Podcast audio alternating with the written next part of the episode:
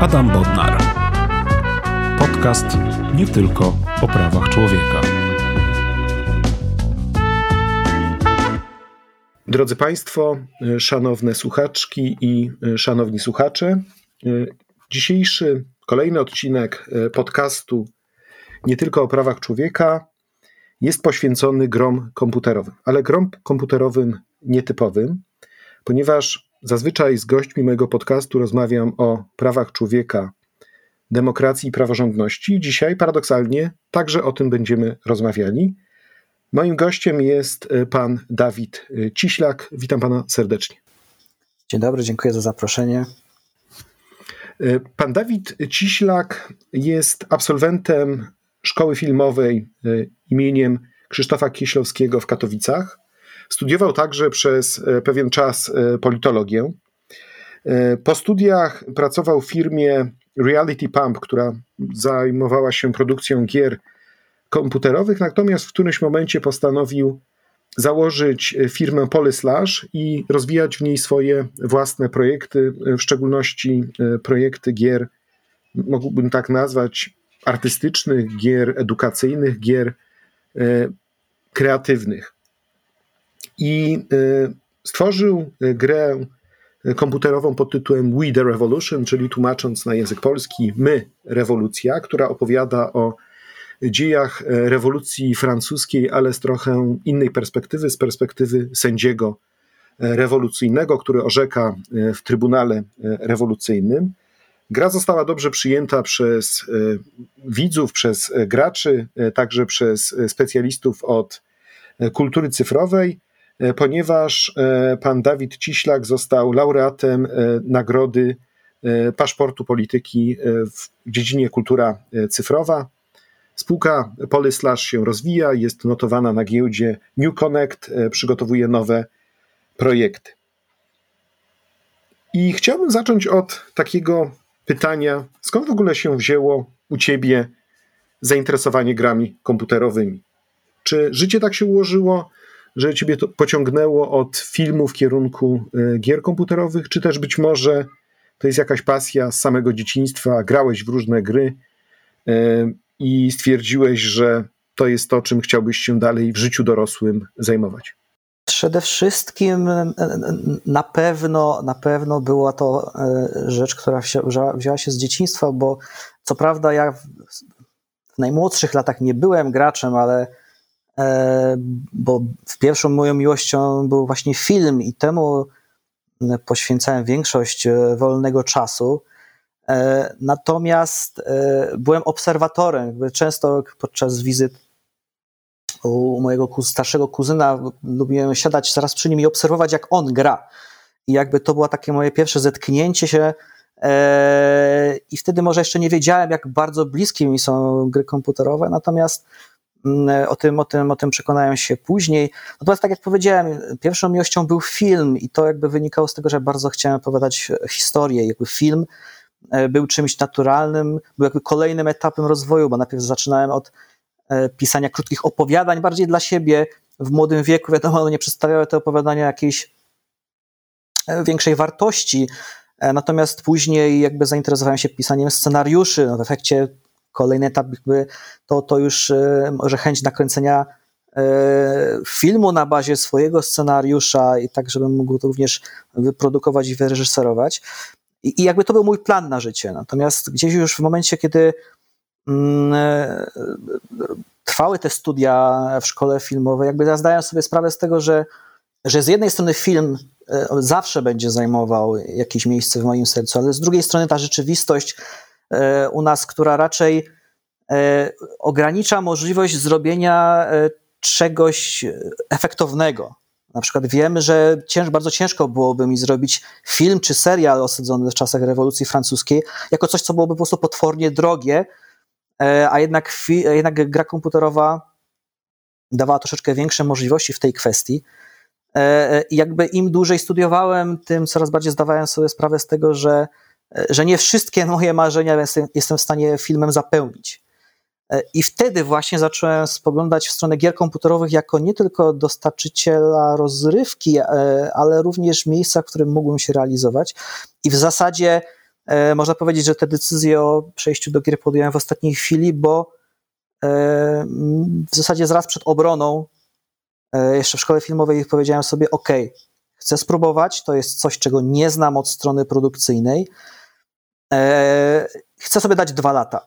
Dwa lata na to, żeby tę branżę poznać, żeby się sprawdzić, żeby zweryfikować, czy moje wyobrażenia o niej są e, prawidłowe, czy nie. No i wtedy podjąć decyzję, czy zostaję w niej, bo wydała mi się wystarczająco ciekawa dla mnie i pozwala mi się rozwijać, czy jednak próbuję wrócić do e, swojej macierzystej branży i jednak zostać e, tam już na, na, na dłużej. I tak już, i tak, i tak wyszło, że chyba, chyba na dłużej zostanę jeszcze w tej branży. No jestem w niej już jakieś 8-9 lat. E, e, I, i, więc chyba, chyba jednak się zadomowiłem na dłużej. E, także podsumowując, myślę, że to pójście w stronę gier nie było przypadkiem, bo jednak znałem je dość dobrze od strony gracza. I w momencie, kiedy poznałem film, kiedy już zauważyłem dość dużą ilość powiązań i, i podobieństw między, tymi dwiema, między tymi dwiema branżami, E, e, e, to jakby z jednej strony świadomość tego, jaka jest rzeczywistość, pchnęła mnie w to, no i z drugiej ta pasja, która, która sprawiła, że nie miałem wątpliwości, że to jest miejsce, które będzie po prostu ewolucją, a nie zupełnym wywróceniem wszystkiego do góry nogami. Poza tym można by powiedzieć, że skoro Andrzej Wajda już nakręcił Dantona, to trochę trudno w Polsce zrobić kolejny dobry film na temat e, rewolucji francuskiej, nawet nie e, wspominając e, przecież o budżecie. To jest, wydaje mi się, że duże wyzwanie dla filmowca. Ale mówiłeś, że no, żeby się tym zainteresować, musiałeś mieć wcześniejsze jakieś zainteresowania grami komputerowymi. Czy wcześniej zdarzało ci się w dzieciństwie grać w jakieś gry właśnie wymagające decyzji strategicznych, zarządzania, y, związane z jakimś wiem, poczuciem obywatelskości. Tak jak się zastanawiałem nad, nad własnym dzieciństwem, no to mi się przypomina, że no trochę grywałem y, w cywilizację, grałem w takie gry jak Railroad Tycoon, czyli zarządzanie siecią kolei.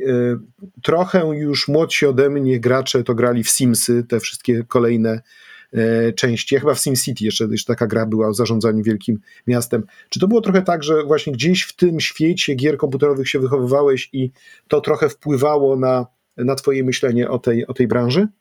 E, no zdecydowanie wymieniłeś gry, na których właśnie się wychowywałem, bo e, w zasadzie pierwsza, nazwijmy to taką bardziej dojrzałą grą, z którą się zetknąłem właśnie była Cywilizacja.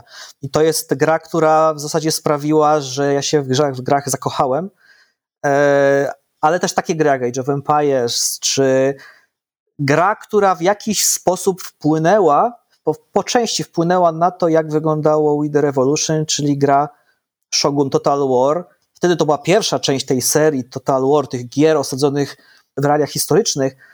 E, później jakby kolejne części to było średniowiecze i tak dalej, i tak dalej, ale te, te gry e, e strategiczne odcisnęły takie piętno, że do dzisiaj w zasadzie można powiedzieć, kiedy rozmawiamy o jakichś pomysłach na gry w, w studio, to już zostało mi to raz wytknięte, że kiedy się e, pojawia pomysł, który ma jakieś, jakieś e, zalążki prawdzie historycznych, to jakby ja od razu odruchowo traktuję ten pomysł troszeczkę lepiej niż pozostałe, chociaż to paradoksalnie są na porównywalnym poziomie, ale już osoby obok wyczuwają, że to jest coś, co, e, co sprawia, że, że, że, że jest cieplej. E, więc tak, to zdecydowanie e, te gry o takiej tematyce historycznej, czy wymagającej takiego strategicznego myślenia, to, jest, to są takie gry, które mają swój osobny, mają swoje osobne miejsce w moim sercu i bardzo często do nich wracam. Oczywiście dzisiaj, z racji tego, że jestem w tej branży, no to ten horyzont się musiał troszeczkę poszerzyć. Natomiast jeśli gram już tak typowo rozrywkowo, no to e, myślę, że spokojnie połowa tego czasu jest spędzona E, właśnie przy takich grach. I to w jakiś sposób później też się przeniosło, to zamiłowanie do tych gier strategicznych przeniosło się też na e, to, czym się interesowałem jeszcze w czasach szkolnych, bo e, dzisiaj mogę śmiało powiedzieć, że właśnie lekcje historii przez to były dla mnie atrakcyjniejsze, bo te rzeczy, które jakby, którymi się zainteresowałem przez gry komputerowe, miałem okazję jakby tę wiedzę na, na, ich temat poszerzać sobie właśnie, właśnie w szkole. I też w drugą stronę, jeśli czegoś się dowiedziałem, e, to wyobrażałem sobie, ale fajnie byłoby zagrać w grę komputerową osadzoną właśnie w takich realiach. Więc te dwie rzeczy nawzajem się niejako napędzały. Był też taki moment, taki powiedzmy szczytowy moment, kiedy dzięki tym dwóm światom podejrzewałem i byłem przekonany, że chciałem studiować historię.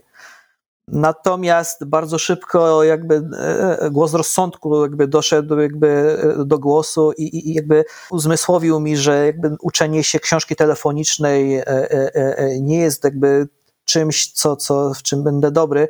Nie, mam, nie miałem nigdy dobrej pamięci do dat, więc bardzo szybko zweryfikowałem. No ale wiesz, można być zawsze Ann Applebaum albo Timothy Snyderem, prawda? To są też historycy, którzy oczywiście znają księgę telefoniczną dat, ale też szukają większej, y, większego sensu w tym wszystkim, prawda? Tak, ja zdecydowanie byłem bardziej człowiekiem, który y, dla którego, którego bardziej bawił kontekst. Bawiło to, dlaczego coś się wydarzyło, a nie kiedy to się wydarzyło. Ja bardzo właśnie dobrze zapamiętałem jeszcze z tego jednego roku politologii, kiedy mieliśmy zajęcia z, właśnie z historii, i pamiętam taką scenę, ona się wypaliła u mnie i chyba zawsze ją zapamiętam. Profesor zapytał jednego ze studentów, proszę mi powiedzieć, czy pan wie, kiedy się pan urodził? No i student oczywiście z pełną świadomością podał swoją datę, a on go pyta, ale skąd pan wie? No bo rodzice mi powiedzieli, ale mogli kłamać. No dobrze, ale jest akt urodzenia, no ale ktoś się mógł pomylić. No i ta rozmowa tak trwała 2-3 minuty i ostatecznie konkluzja była prosta, że tak naprawdę, widzi pan, dla pana rodziców nie ma znaczenia, czy pan się urodził 3 maja czy 4 maja. Dla nich ma znaczenie, że pan się urodził.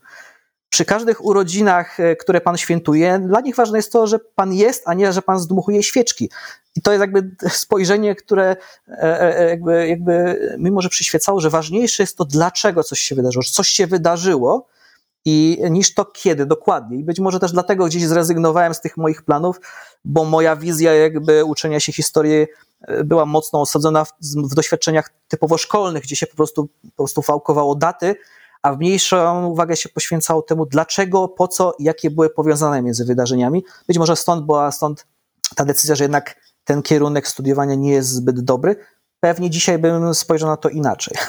Czyli rozumiem, że uczniowie a szczególnie ci, którzy grają w grę We the Revolution, nie powinni dokładnie pamiętać daty, kiedy została przyjęta Deklaracja Praw Człowieka i Obywatela, tylko powinni raczej rozumieć, po co została przyjęta, dlaczego i co się w ogóle wtedy w tej e, e, Francji rewolucyjnej e, działa. Rozumiem, że o takie podejście chodzi, tak?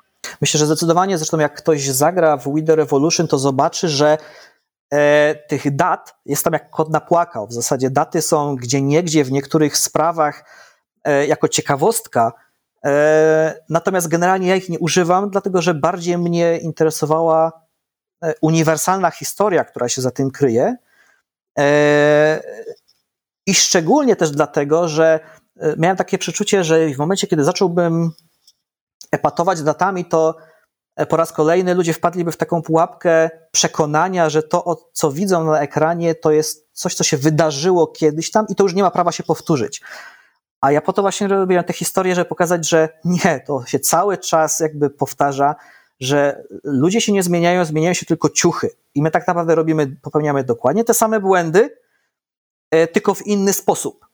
Wyobraźmy sobie, że pan y, y, uczestniczy teraz y, takim etapie, powiedzmy sprzed y, kilku lat, gdzie pan szuka sponsorów czy y, osób, które by sfinansowały y, wyprodukowanie gry, i pan ma przedstawić założenia tej gry w 30 sekund. O czym jest gra We Revolution? Myślę, że e, powiedziałbym, że gra We Revolution jest grą, w której gracz wciela się w rolę rewoluc- e, sędziego rewolucji, w rewolucji francuskiej, sędziego Trybunału Rewolucyjnego, którego zadaniem jest sądzenie postawionych przed nim ludzi, winnych lub niewinnych, i decydowanie o tym, kto zostanie uniewinniony, kto ocali życie, a kto straci je na gilotynie, a to wszystko w wyjątkowej oprawie wizualnej i wraz z wciągającą historią tego sędziego. I myślę, że to by, to by zamykało całe przedstawienie, jakby, jakby, jakby o czym jest gra.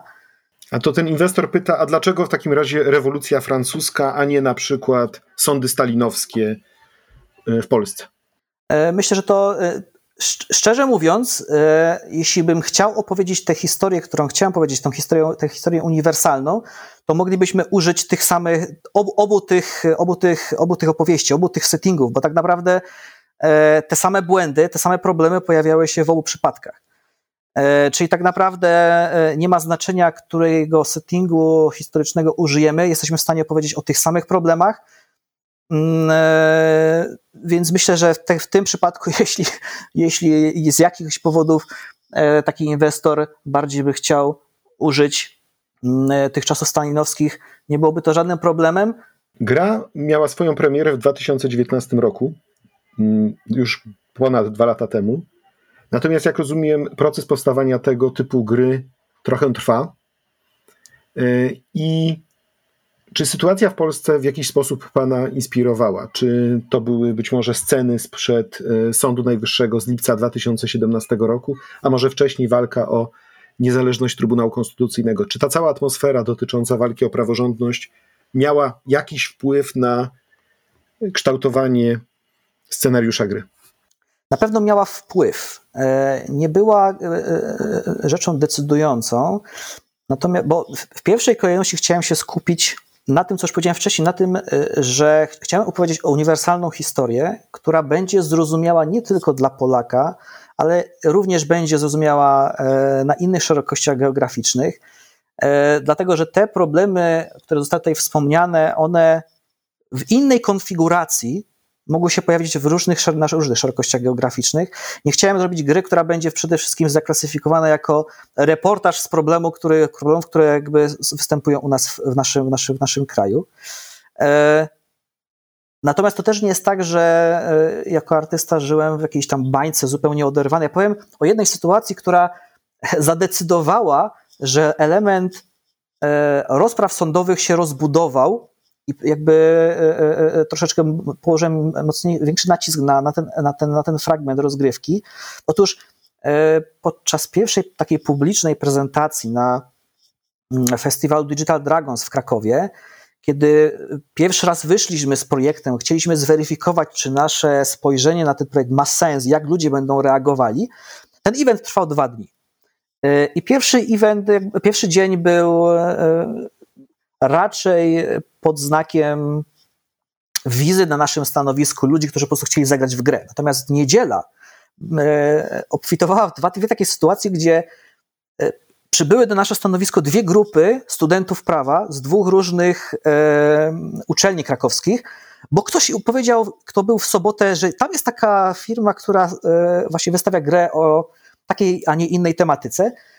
I ci ludzie przyszli do nas żeby z nami odbyć rozmowę, której, która wydawała im się, że nie jest możliwa na ich uczelni. A mianowicie właśnie o tych problemach, o których wspomniałeś. I, i jakby ciężko może nazwać to rozmową, bo to raczej był taki moment, w którym ja słuchałem, co ludzi, którzy poszli na e, studiować prawo, bolało w ich w tej sytuacji, która, która, która miała miejsce, która niejako cały czas się ciągnie za nami. E, ta, która to sytuacja jakby niszczyła ich taki idealny wizerunek, jak powinno funkcjonować prawo w, w praworządnym kraju.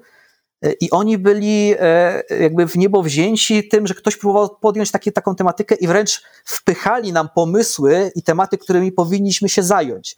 I jakby przez, z obiema tymi grupami w zasadzie e, rozmawiałem indywidualnie chyba z godzinę czasu, e, co pokazało jakby jaka jest, jaka jest duża temperatura gdzieś pod spodem, gdzie, gdzie, gdzie, gdzie e, w zasadzie te żale i ten strach, w co, to się może, co, co ta sytuacja może się zamienić, aż czeka, żeby wybuchnąć.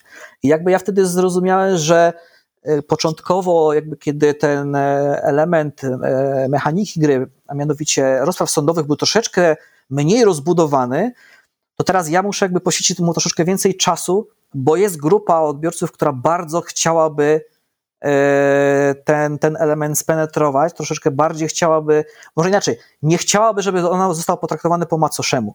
Nie wiem, czy wiesz, że w tym czasie mi także powstała gra planszowa, która była finansowana na zasadzie crowdfundingu, e, którą stworzyła Fundacja Courtwatch pod tytułem Prawo Polis. I to była z kolei planszówka, która trochę przypominała no, przebieg typowego procesu, ale też z różnymi takimi ciekawymi elementami. Na przykład były takie specjalne karty do gry, które polegały na tym, że jak się ją wylosowywało, to na przykład dostawało się jakiegoś superprawnika, prawda? I, I w ten sposób też byli portretowani wybitni adwokaci z naszej tutaj krajowej przeszłości. I czyli też jakaś była pewna próba znalezienia właśnie odpowiedzi poprzez rozrywkę na problemy, które w Polsce się pojawiają i też na potrzebę edukacji obywatelskiej. Ale nie wiem, czy wiesz, że mm, y, znalazłem takie określenie, mm, które mm, y, opisuje metodę edukacyjną, którą proponujesz e, poprzez grę We the Revolution. To jest metoda, która się nazywa Tangential Learning. E, I rozmawiając ze specjalistami, oni mi powiedzieli jeszcze, że to jest metoda, która polega na tym, żeby nie tylko opisywać rzeczywistość, ale żeby zmuszać poprzez swoistą symulację do rozwiązywania E, różnych e, e, problemów. Jakbyś mógł powiedzieć, na czym to rozwiązywanie problemów w grze We the Revolution polega? Czego właśnie ten uczeń, ten, może nie uczeń, niekoniecznie uczeń, ten gracz może się nauczyć poprzez granie właśnie w grę We the Revolution? Ja myślę, że tutaj podstawową rzeczą, którą należałoby wymienić, żeby zrozumieć tę prawdziwą wartość tego typu gier, jest ta różnica między filmem a grą. E, użyję tego porównania, no bo jakby to film i gra mają na tyle, e, e, są na tyle blisko, że nie chciałbym tutaj robić jakiegoś wielkiego kanionu i porównywać książki z grą, bo to są zupełnie dwa różne światy. Natomiast zwróćmy uwagę, jak wygląda sytuacja mm, w filmie, gdzie widz niejako jest bardzo mocno oddzielony tym ekranem, który widzi i niejako jest, można by powiedzieć, e, kolejną, kolejnym członkiem drużyny pierścienia, ale jest raczej tym członkiem, który dołączył do tej drużyny przy okazji e, i podróżuje z nią, bo mają jakby ten sam kierunek, natomiast e, jeśli chodzi już o momenty, w których musi walczyć, to raczej z nimi nie walczy. Wszystkie decyzje, które miały być podjęte, podjął już dawno scenarzysta, podjął reżyser, ewentualnie aktorzy, którzy w jakiś sposób zinterpretowali ten scenariusz. E, e, I niejako e, w najlepszym przypadku my się wciągamy ten, w ten film, ale obserwujemy problemy, które są, które są prezentowane na ekranie, w porównywalny sposób do tego, jaki obserwujemy je w życiu, czyli po prostu jako osoba trzecia. Natomiast gra komputerowa dodaje pewien element, który troszeczkę zmienia zasady, a mianowicie uczestnictwo. Ja bardzo lubię to powiedzenie, że nie oceniaj drugiego człowieka, póki nie przespacerujesz się chwilę w jego butach. I gra komputerowa pozwala na przespacerowanie się w czyichś butach. Jeśli e, obserwujemy jakąś, e, jakieś osoby, które, których nie do końca rozumiemy, e, które są po prostu inne niż my, to w tym przypadku mamy okazję zobaczyć, jak wygląda życie z punktu widzenia tej właśnie osoby. I zupełnie inaczej będziemy podchodzili do oceny tej osoby, do oceny ich decyzji w przyszłości, w momencie, kiedy widzimy, w jakiej konfiguracji tej osobie przychodzi podejmować decyzje i z jakimi konsekwencjami tych decyzji musi się zmierzyć, z jaką formą, nie wiem, na przykład agresji musi się zmierzyć, e, żyjąc e, w świecie pełnym ludzi, którzy nie rozumieją poglądów tej osoby, orientacji tej osoby, czy czegokolwiek, co sobie w tym momencie e, wprowadzimy do, do, do, do równania. I to jest zauważalna różnica między tym, co prezentuje, co, co umożliwia film, a tym, co daje gra komputerowa. Nawet najlepszy film, najlepiej nakręcony film, mimo wszystko nie daje nam takiej interakcji, takiego poziomu interakcji, jaką daje nam gra komputerowa. E, e, I to troszeczkę zmienia zasady. Powiedzmy sobie, że w grze We the Revolution gracz wciela się w postać sędziego, sędziego Trybunału Rewolucyjnego, który no, jest osobą, która z jednej strony ma rodzinę, ojca, syna, żonę, czyli można powiedzieć prowadzi normalne życie rodzinne, z drugiej strony ma swoje różne uzależnienia i hobby, y, trochę hazard, y, który gdzieś tam go pochłania. Natomiast jego zadanie to jest wydawać orzeczenia i właśnie gracz ma te orzeczenia wydawać, y, kierując się różnymi przesłankami, dowodami, E, przesłuchiwaniem świadków, gromadzeniem różnych, e, analizą różnych e, dowodów. Natomiast to, co jest myślę, że szczególnie istotne w tej grze, to to, że działalność tego sędziego jest cały czas obserwowana, że w zależności od tego, jaki wyda wyrok, to albo społecze, społeczeństwo rewolucyjnego kocha, szanuje, albo wręcz przeciwnie. Albo pojawiają się różnego rodzaju frakcje, na które on musi zwracać uwagę, żeby nie tylko wydawać wyroki, ale też można powiedzieć przetrwać w tym, w tym świecie. Tak bym streścił, y, można powiedzieć, to, taką rolę i te zmienne, które się y, pojawiają. Czy coś, był, czy coś byś jeszcze takiego szczególnego do tego opisu dodał? Myślę, że to jest clue, bo e, może przytoczę taką anegdotkę, która ona jest bardziej zabawna. E, kiedyś z, podczas jakiejś rozmowy z moim znajomym on powiedział, że kiedyś śniła mu się taka sytuacja, że e, pracuje w szkole i jego zadaniem e, jest nie uczenie ludzi, ale branie tych wszystkich kartkówek, testów i potem, kiedy nauczyciel je, je już sprawdzi, e, on miał wydawać tylko, nazwijmy to, wyrok w postaci oceny.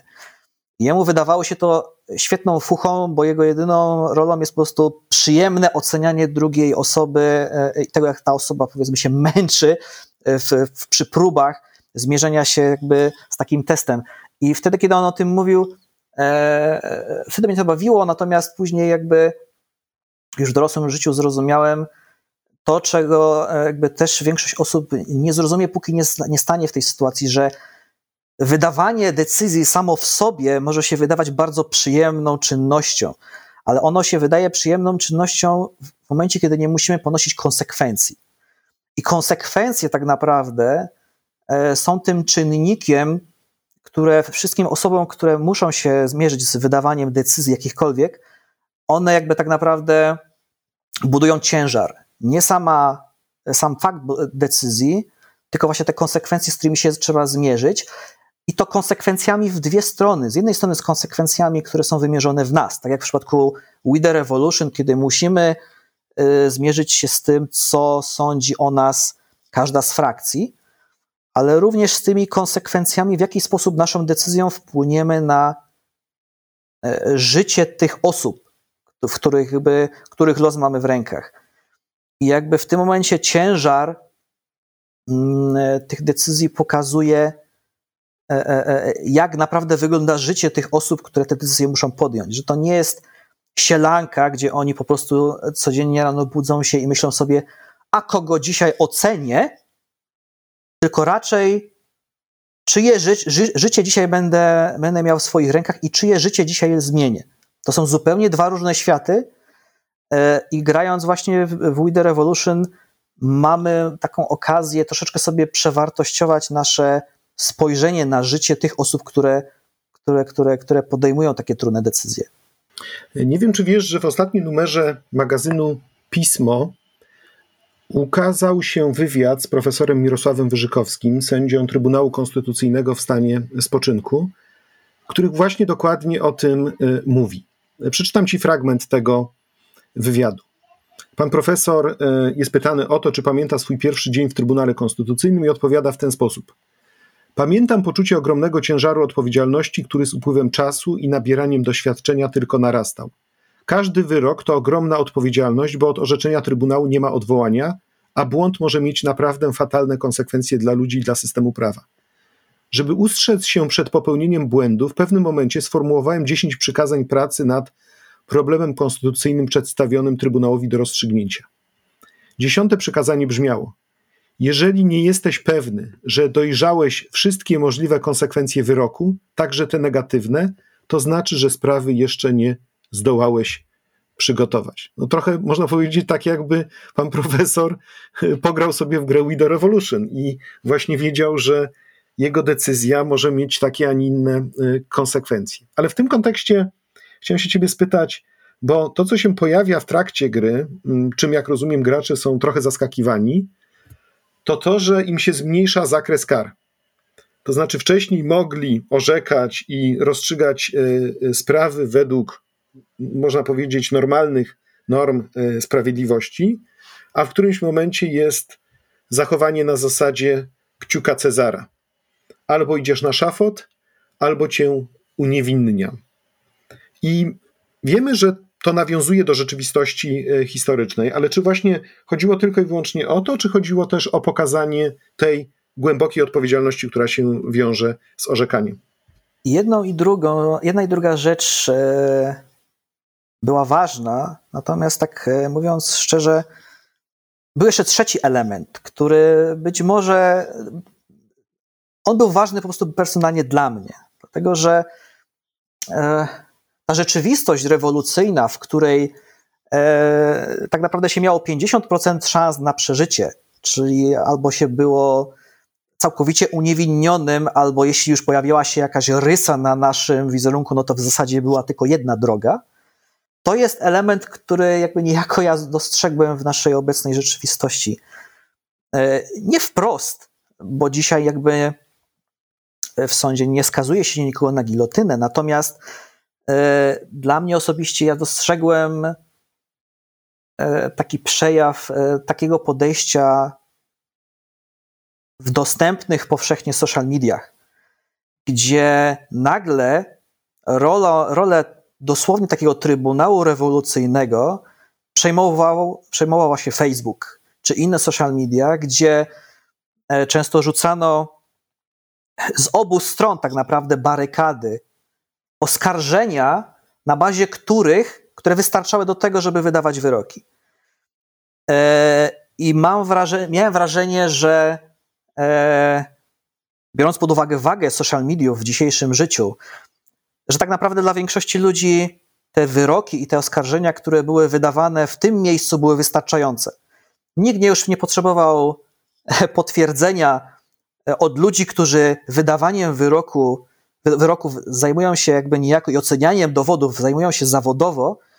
E, wystarczyło, wystarczył tylko suchy tekst pełen półprawd albo pozbawiony jakichkolwiek prawd, żeby wydać na kimś wyrok i żeby kogoś używając popularnego dzisiaj określenia skancelować. E, I, i, I wydawało mi się to, i do dzisiaj jest to jakby, wydaje mi się to tak absurdalnym podejściem, że chciałem to po prostu przelać na grę i pokazać ludziom, jakie są konsekwencje takiego podejścia. Że dzisiaj e, skazujemy kogoś na społeczną gilotynę po to, żeby za chwilę może się okazać, że, chce, będzie, że chcemy pójść o krok dalej i nawet nie chcę, nie, nie chcę sobie wyobrażać, co będzie krok dalej. Ale już sam fakt, że dopuściliśmy do tego, że wydajemy wyroki e, na bazie czyjegoś 40-znakowego wpisu, już przypominało mi tę sytuację, w której ktoś, kto e, został os, oskarżony o poglądy antyrewolucyjne, że nie zgadzał się z jakąś ogólnie przyjętą obecnie filozofią, już mógł zostać skazany na śmierć.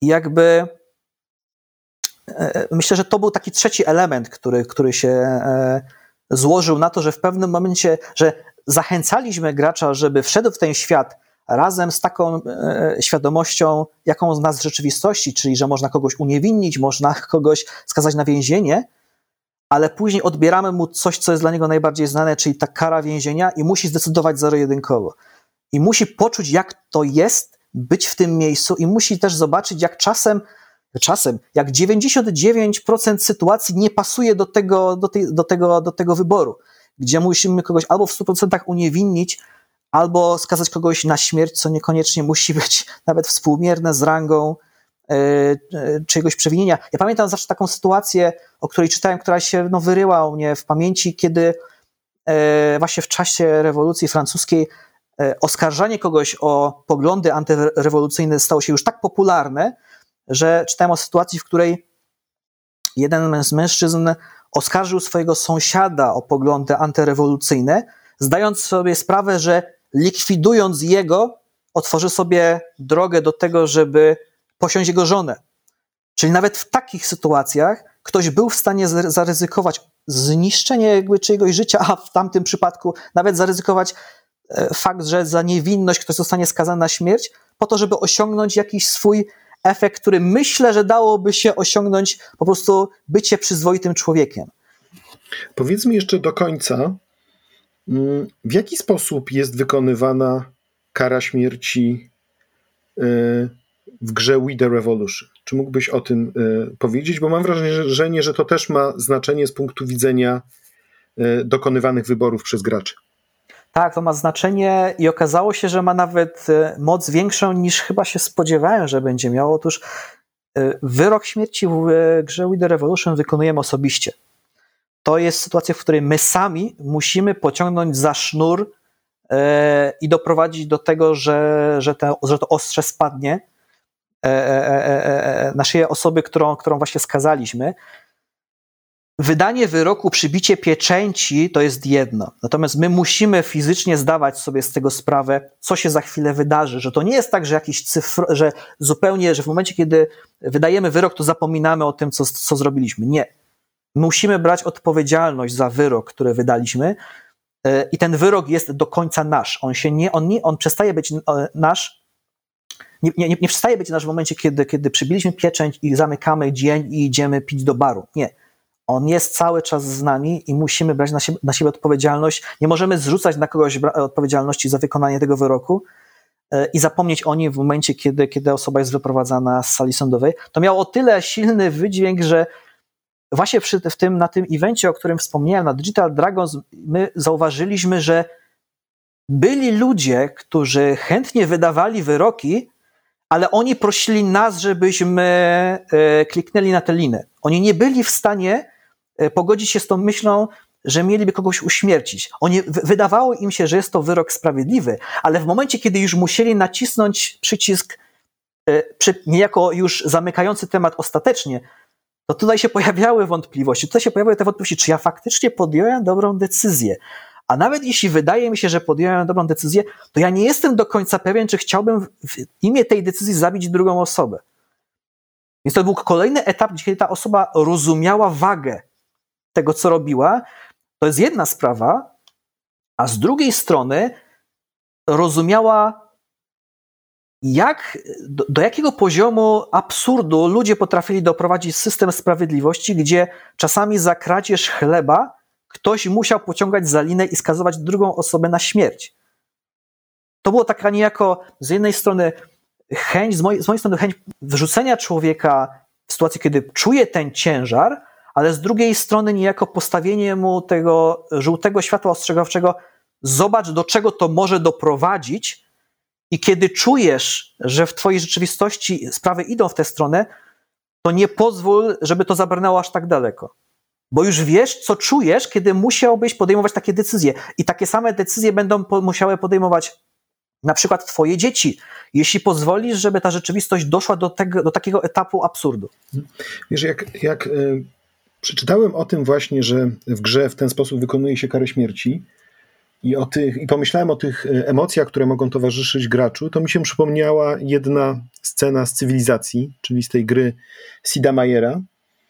E, nie wiem, czy pamiętasz, że jak już e, w tej grze, że jak już rozwinęliśmy cywilizację, to pojawiała się opcja nuklearna, że można było spuścić bombę atomową na inne państwo. Ja pamiętam, że jak byłem tym nastolatkiem i grałem w cywilizacji, rozwijałem, prawda, już miałem te wszystkie lotniskowce, myśliwce, e, różne inne e, maszyny wojenne, to jednak gdzieś się pojawiało takie wahanie, czy faktycznie chcę użyć opcji e, nuklearnej. Czy to jest troszkę być może nawiązywanie do, do tego typu scenariuszy, których właśnie się w tych grach strategicznych pojawiały, że że mamy pewne możliwości, które nam daje świat y, wirtualny, ale może nie zawsze powinniśmy z nich korzystać. E, w pewien sposób tak, no bo one wszystkie, te sytuacja with the revolution i ta sytuacja w cywilizacji, o której wspominasz, one się sprowadzają do, do, e, do tego, że dla wielu ludzi e, takie ponętna jest taka, taka pogoń za władzą i ponętna jest taka wizja tego posiadania tej władzy, ale kiedy już do tego momentu dojdziemy, kiedy już po pierwsze poznaliśmy tę drogę i wiemy, jaką cenę trzeba było za tę władzę zapłacić, kiedy zdajemy sobie sprawę z realnych konsekwencji naszych decyzji, kiedy tę władzę mamy, to już przestaje to być takie atrakcyjne. To już nie jest tak, tak piękne, jak to nie jest Sunshine and Rainbows, tak nam się wydawało na początku. E, a inna sprawa, że w przypadku We The Revolution, my mieliśmy w We The Revolution, mamy We The Revolution około 70 spraw. I to są sprawy, których jakby horyzont jest naprawdę bardzo, bardzo szeroki. I nawet jeśli ktoś w tych, nie wiem, 65 e, przypadkach nie dostrzeże czegoś, co sam, czego sam doświadczył w swoim życiu, to znajdzie się zawsze jakaś sprawa, w której będzie jakiś element, który zna. Czyli na przykład jakaś postać oskarżonego będzie przypominała mu osobę z, e, z prawdziwego życia, czy jakiś problem będzie problemem, który jego sam pali w tym, w tym realnym życiu. I nawet jeśli w tych 65 sprawach decyzję podejmie zupełnie bezwiednie, nawet jeśli by się to zdarzyło, to przy tych pięciu się zatrzyma i przy tych pięciu poczuje, że skazując tę kobietę za kradzież chleba, to tak jakby skazał kogoś, kogo zna w rzeczywistości, kogoś, kogo doświadczyła ta bieda i był w, tym przypadku, był w tym przypadku przed taką decyzją, czy ukraść coś, czy jednak czegoś nie ukraść. I jakby w tym momencie on czuje ten rozmiar władzy i czuje tak właśnie konsekwencje, o których rozmawialiśmy. No tak, ale konsekwencje i odpowiedzialność to jest jedna rzecz. I tego faktycznie e, grając w grę można się e, nauczyć, czy być może doświadczyć, e, gdzieś przemówić do własnych emocji, ale czy można się z tej gry także nauczyć, na czym polega rola rzeczywiście niezależnego sędziego? No bo jednak ten sędzia jest zaplątany w cały szereg różnych e, sytuacji. E, on w pewnym sensie walczy nie tylko o to, żeby wymierzać sprawiedliwość, ale żeby przetrwać, tak? Ponieważ jak rozumiem, jak nie będzie postępował zgodnie z duchem rewolucji, jak nie będzie wyczulony na różne e, sytuacje, różne napięcia, no to dotknie go to słynne powiedzenie, że rewolucja pożera własne dzieci, tak? Czyli sam może e, stać się tym elementem kontrrewolucyjnym, bądź też niewystarczająco rewolucyjnym i może nie przetrwać. To czy z tej gry nauczymy się kim jest niezależny sędzia, czy tak może nie do końca, bo jednak sytuacja rewolucyjna powoduje, że e, wy, wymierzanie wymiaru sprawiedliwości jest po prostu wypaczone. Myślę, że spotka się z obiema sytuacjami, dlatego że my e, w We The Revolution zaczynamy od takiego poziomu, gdzie ten poziom stresu dla gracza jest dosyć nieduży. E, kiedy gracz ma wszystkie trzy opcje, czyli skazanie na gilotynę, uniewinnienie, a również więzienie, i kiedy te nastroje antyrewolucyjne jeszcze nie są tak E, tak, tak e, rozkręcone, kiedy jeszcze król jest na swoim stanowisku, kiedy jeszcze wszyscy wiedzą, że może to pójdzie w stronę e, w miarę, w miarę bezkrwawych zmian. Natomiast pojawia się któryś moment, kiedy pojawia się taki przerywnik fabularny, w którym sędzia wraz ze swoim mentorem stoją przed właśnie budowaną gilotyną. I, I to już jest w momencie, kiedy król postanawia zbiec z dworu, bo jak słusznie podejrzewa, za chwilę będzie celem. E, I właśnie ten mentor e, niejako sygnalizuje jednym zdaniem, że to jest punkt zwrotny, że do tego, od, tego, e, od tego momentu będziemy mieli western, a do tego mieli, momentu mieliśmy w miarę e, coś, co nazwalibyśmy sprawiedliwością. I on rzuca takie określenie, że, że zdrajca musi się znaleźć, nawet jeśli żadnego nie ma. I to jest ten punkt zwrotny, w którym my już wiemy, ok, to już wiemy, że zasady gry się troszeczkę zmieniają, że nawet jeśli do tej pory mieliśmy przyjemność i satysfakcję z wymierzania sprawiedliwości, bo mm, otoczenie nie atakowało nas skrajnie za każdą podjętą decyzję i w miarę akceptowało to, co robiliśmy, to teraz nasza sala sądowa zamieni się w coś, co e, no, uznalibyśmy za arenę. Czyli ze wszystkich stron mamy publiczność, z jednej strony jest nasza ława przysięgłych niejako, która ocenia naszą, naszą, naszą pracę. Z tyłu jest publiczność, która z każdą kolejną rozprawą reaguje coraz bardziej agresywnie, a jeśli nie reaguje agresywnie, to w dużej części spraw przedstawia swój punkt widzenia e, i, i, i niejako ten, ten to sprawo, sprawiedliwe sądzenie zamienia się właśnie w to, co powiedziałeś, walkę o przeżycie. Czyli my mamy okazję porównać dwie sytuacje. Co się dzieje, kiedy możemy spokojnie oceniać dowody i wydawać coś, co według nas byłoby sprawiedliwym wyrokiem, a jaka jest nasze poczucie e, akceptacji, kiedy, kiedy to inni narzucają nam troszeczkę wyroki. Bo prawda jest taka, że nawet jeśli e, gracz będzie starał się e, e, wydawać wyroki, które on uznaje za sprawiedliwe i które być może nawet my jako twórcy uznalibyśmy za sprawiedliwe, to nigdy nie zadowoli wszystkich grup. I prędzej czy później nawet jeśli jakimś cudem uda, udaje mu się zadowolić i frakcję rewolucjonistów, i lud, to w którymś momencie gry pojawia się trzecia frakcja, która do tej pory się ukrywała, czyli frakcja arystokracji, która, jak się okazuje, nie została całkowicie wybita, która zorganizowała się w podziemiu i teraz nie dość, że musimy zadowolić dwie poprzednie e, frakcje, to jeszcze musimy zadowolić frakcję, która ma zupełnie odrębne podejście do pewnych spraw niż te dwie poprzednie.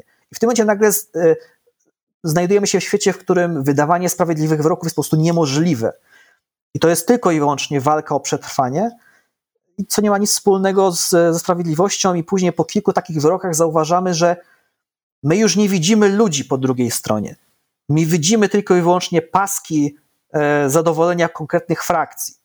I także wydajemy wyroki na podstawie krótkich notatek tak? Czyli już e, nawet nie mamy opcji gromadzenia dowodów, przesłuchiwania świadków, tylko dostajemy notatkę i musimy podjąć e, decyzję. I jaką byśmy nie podjęli, to każda będzie zła i będzie miała bardzo konkretne skutki, zarówno dla samej osoby, która e, została skazana, jak również dla nas też może mieć skutki w postaci właśnie zagrożenia dla naszego bezpieczeństwa. Natomiast jak tak ciebie słucham, to mam wrażenie, że to, co, to wszystko, co mówisz y, i to, co jest w tej grze, to jest doskonały materiał edukacyjny do szkół. Nie tylko do szkół, także na Wydział Prawa, także być może do Krajowej Szkoły Sądownictwa i Prokuratury, może y, nawet y, na jakieś warsztaty przeprowadzane z zainteresowanymi obywatelami. Ale jednocześnie mam takie wrażenie, że jak się mówi w Polsce o grach komputerowych, niezależnie od takich zaszczytnych wyróżnień jak e, paszporty polityki, to większość osób myśli, a gry komputerowe, czyli zaraz jakiś League of Legends, jakiś Fortnite, jakaś taka niewybredna e, e, rozrywka. Mm, zdaję sobie sprawę oczywiście, że to jest e-sport i że można różne umiejętności strategiczne w tym wyćwiczyć, no ale generalnie gry komputerowe się kojarzą przede wszystkim z rozrywką.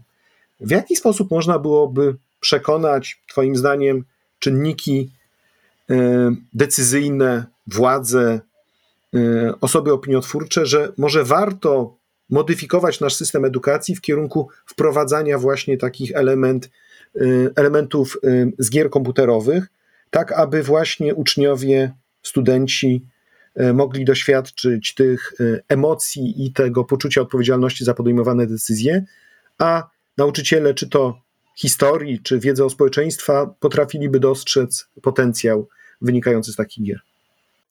To jest bardzo trudne pytanie. Szczerze mówiąc, bałem się, bałem się tego pytania, bo jest bardzo długa droga przed nami bardzo, bardzo długa droga przed nami. To spróbujmy wytyczyć przynajmniej te pierwsze trzy kroki. Pierwsze trzy krótkie kroki. Co należałoby zrobić? Ja myślę, że e, my powinniśmy zdać sobie sprawę teraz z faktu, jak w ogóle wygląda w tym momencie e, rynek e, studiów, nawet nie gier, ale studiów w Polsce, produkujących gry komputerowe. Bo dzisiaj mm, jasne, po takich właśnie grach jak We The Revolution czy This War of Mine, czy My Memory of Us, to jest taka gra o bardzo fajnej tematyce y, i mniej komercyjny, jest to mniej komercyjny projekt.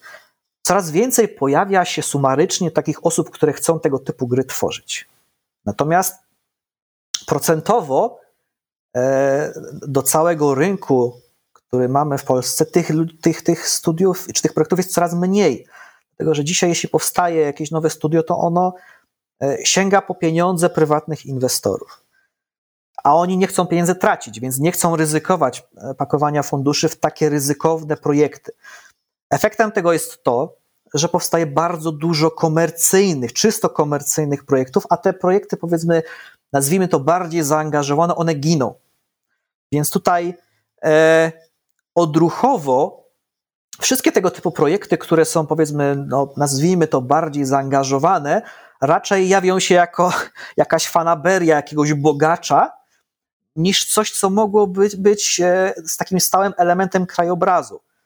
No ale jeżeli pozwolisz, no bo jeżeli byśmy spojrzeli na tak, zarówno Twoją grę i działalność Twojej firmy Polyslash, jak również na karierę e, gry This War of Mine, e, to jest ta gra, w której bohater wciela się w ofiarę wojny i musi przeżyć w trakcie e, wojny i to, co, i to jak się rozwija Eleven Beat Studios, no to to są przykłady, że da radę na tym jednak zarobić, prawda?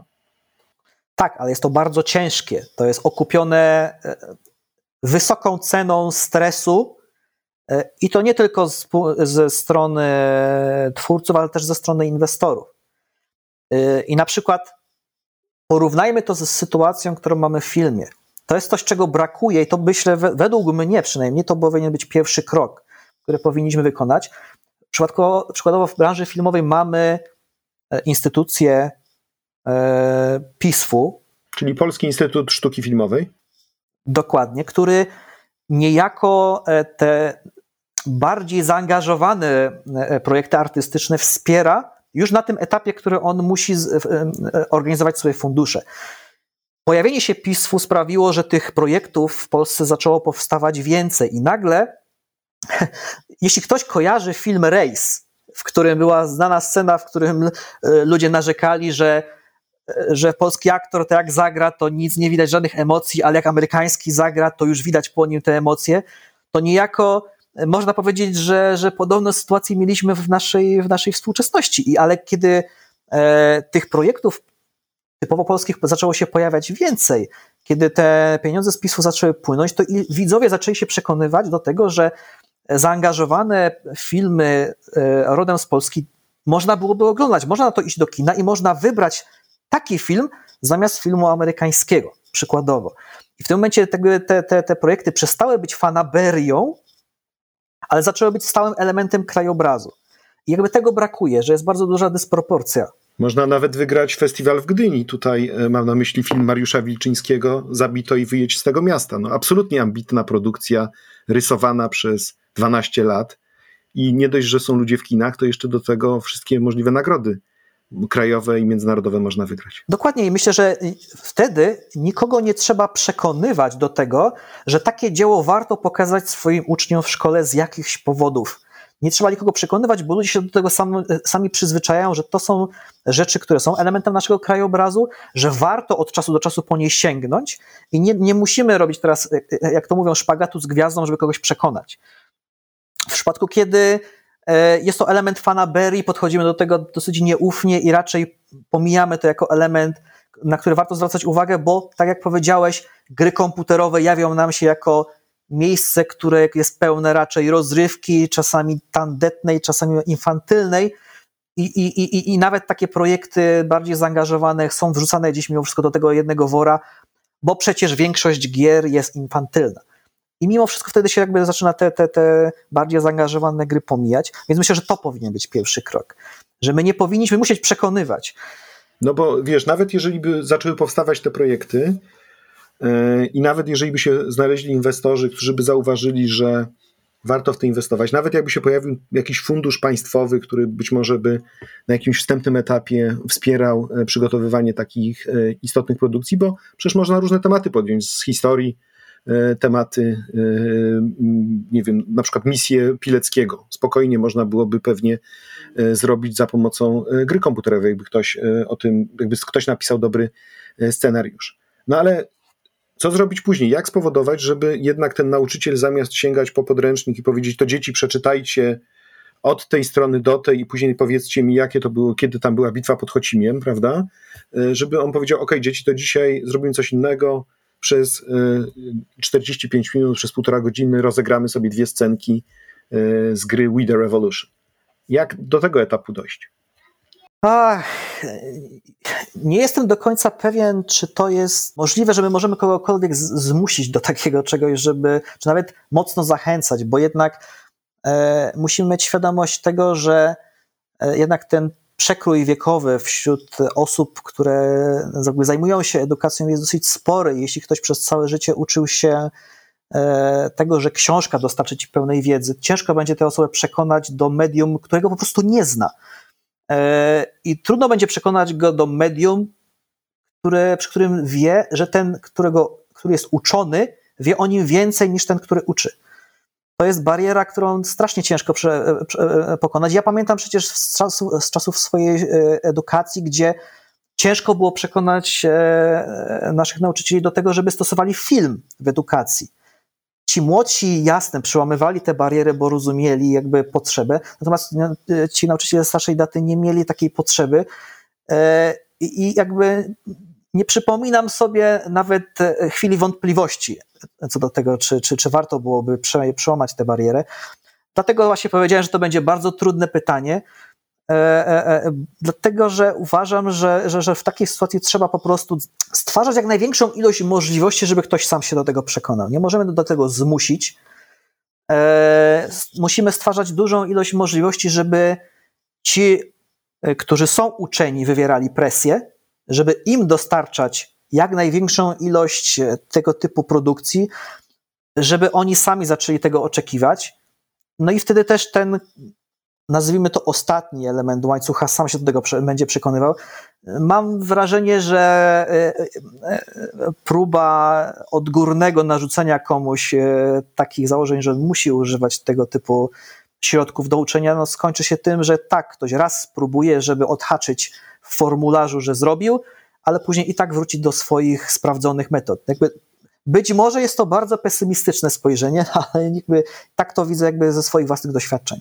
Znaczy ja bardziej szczerze mówiąc liczę na y, jakieś kółka zainteresowań, gdzie właśnie mamy tego nauczyciela historii, który właśnie z uczniami w ramach jednego popołudnia y, spędza kilka chwil na takiej y, grze, tłumaczy, albo nawet może można by sobie wyobrazić jakieś, nie wiem, lokalne spotkania, gdzie zamiast organizować kolejne spotkanie, przykładowo z sędzią aktywi- który jest e, zaangażowany w działalność justicji, właśnie na przykład wspólnie z nim się przez chwilę gra w taką grę, a później się na przykład dyskutuje na temat różnych wyborów, na, na przykład na temat tej odpowiedzialności. Myślę, że można by spokojnie wyobrazić sobie różne formy takiego obywatelskiego zaangażowania, no ale żeby faktycznie masz rację, że żeby to zrobić, to trzeba najpierw wiedzieć i doceniać to medium. I tutaj jeszcze raz podkreślę, szacunek dla polityki, że wręcza te e, wyróżnienia w kategorii kultura cyfrowa, bo faktycznie to jest dostrzeżenie że mm, to, to kształtowanie e, tego przekazu i naszej świadomości no, odbywa się obecnie na wielu poziomach i nie tylko na tych e, tradycyjnych, że kultura cyfrowa e, to nie jest tylko Wiedźmin, Cyberpunk, czy nawet Tomasz Bagiński, prawda, z jego animacjami, tylko to jest po prostu także kwestia pewnego scenariusza i pokazywania, że możemy uczestniczyć w czymś bardzo ciekawym, a do tego, no, tak jak w przypadku y, Twojej gry, to jest także zrealizowane pod względem artystycznym no, przepięknie. Tak? Ta, to y, takie wyraźne nawiązywanie do, do określonych stylów artystycznych. Na sam koniec mam takie pytanie do Ciebie. Wyobraź sobie, że masz właśnie fanaberię i być może znalazł się na to inwestor, który mówi: Panie Dawidzie, dobrze panu idzie. To We The Revolution to naprawdę było świetne. Spędziłem nad tym cały tydzień, rozwiązałem te wszystkie sprawy. E, mój sędzia nawet nie stał się już ostatecznie tym alkoholikiem i hazardzistą, tylko nawet jakoś w tym trudnym świecie przetrwał i nawet e, żona okazywała mu wsparcie do samego końca. Natomiast, wie pan, podobała mi się pana gra, ale może pan by coś zrobił takiego współczesnego, może coś odnoszącego się do aktualnej e, rzeczywistości. Oczywiście no, nie powinien pan robić jeden do jednego, bo pan jest artystą, ale jednak wie pan, może tak troszeczkę bardziej koszula bliższa ciału, może pan coś takiego by zrobił. O czym by była taka gra, gdyby e, ktoś e, pana o to poprosił, albo być może ma pan jakiś pomysł na to, czego mogłaby dotyczyć taka gra o współczesnej Polsce? Wydaje mi się, że tutaj poszedłbym w stronę biegunowego podziału społeczeństwa. Myślę, że to jest coś, co, co niejako ma swoją reprezentację w We The Revolution, ale było to potraktowane troszeczkę jakby z boku, raczej zasygnalizowane, ale jest to, myślę, że problem, który mnie prywatnie gdzieś tam porusza, to jak e, zaczynamy się polaryzować i to jak, e, ja może przytoczę jedną historię, która w jakiś sposób wpłynęła na to, e, moje przekonanie, że powinienem tworzyć We The Revolution i myślę, że ten temat pociągnąłbym współcześnie. Jakiś czas temu, kiedy mieliśmy kryzys imigracyjny, i to był taki temat dosyć nośny, e, w Krakowie e, odbyły się dwie jakby niejako e, jednocześnie manifestacje dwóch różnych stron, skrajnie, o dwóch skrajnie różnych poglądach. I jakby sam fakt, że te dwie strony wyrażały swoje poglądy, no jesteś, żyjemy w kraju demokratycznym, nie jest to złe. Natomiast dla osoby, która gdzieś tam przechadzała się między nimi, e, brutalne było to, e, że niestety z jednej ze stron w którymś momencie padło coś, co mnie osobiście zmroziło. E, padło zdanie, że coś musimy zrobić z tą, z tą drugą stroną że te strony tak bardzo nie były w stanie wyobrazić sobie dogadania się, spotkania się gdzieś po środku, że padło zdanie, że musimy coś z nimi zrobić. I ja myślę, że gdzieś nie zdajemy. Osoba, która wypowiedziała to zdanie, bardzo. Jestem, jestem pewien, że nie zdawała sobie sprawy z, z konsekwencji, e, które mogłyby nastąpić po takim zdaniu trzy czy pięć kroków dalej. I jakby wydaje mi się, że to jest bardzo dobry moment na to, żeby zrobić dzieło, które by pokazało, jak gdzie możemy skończyć, idąc drogą, e, że jeśli z kimś, że jeśli nie znajdujemy w tym momencie argumentów, żeby się z kimś dogadać, to że musimy z tą osobą coś zrobić, że musimy tę osobę, tę stronę dyskusji wyeliminować. To tak bardzo nas rozbija, że, że, że wydaje mi się, że powinno powstać dzieło, które, które nas troszeczkę uwrażliwia na to, że powinniśmy się jednak zmusić do tego, żeby z drugą stroną nauczyć się rozmawiać, nawet jeśli wydaje nam się, że nasze poglądy są tak czyste i piękne, że każdy powinien je wyznawać, a jeśli ktoś ich nie wyznaje, to znaczy, że jest złym człowiekiem. Kiedy zrozumiemy, że to nie jest prawda, e, na pewno będzie nam się żyło lepiej, a wydaje mi się, że najłatwiej byłoby nam to zrozumieć właśnie przez obcowanie z dziełem, które nam to pokaże. Bardzo dziękuję. Dziękuję za ten e, pomysł.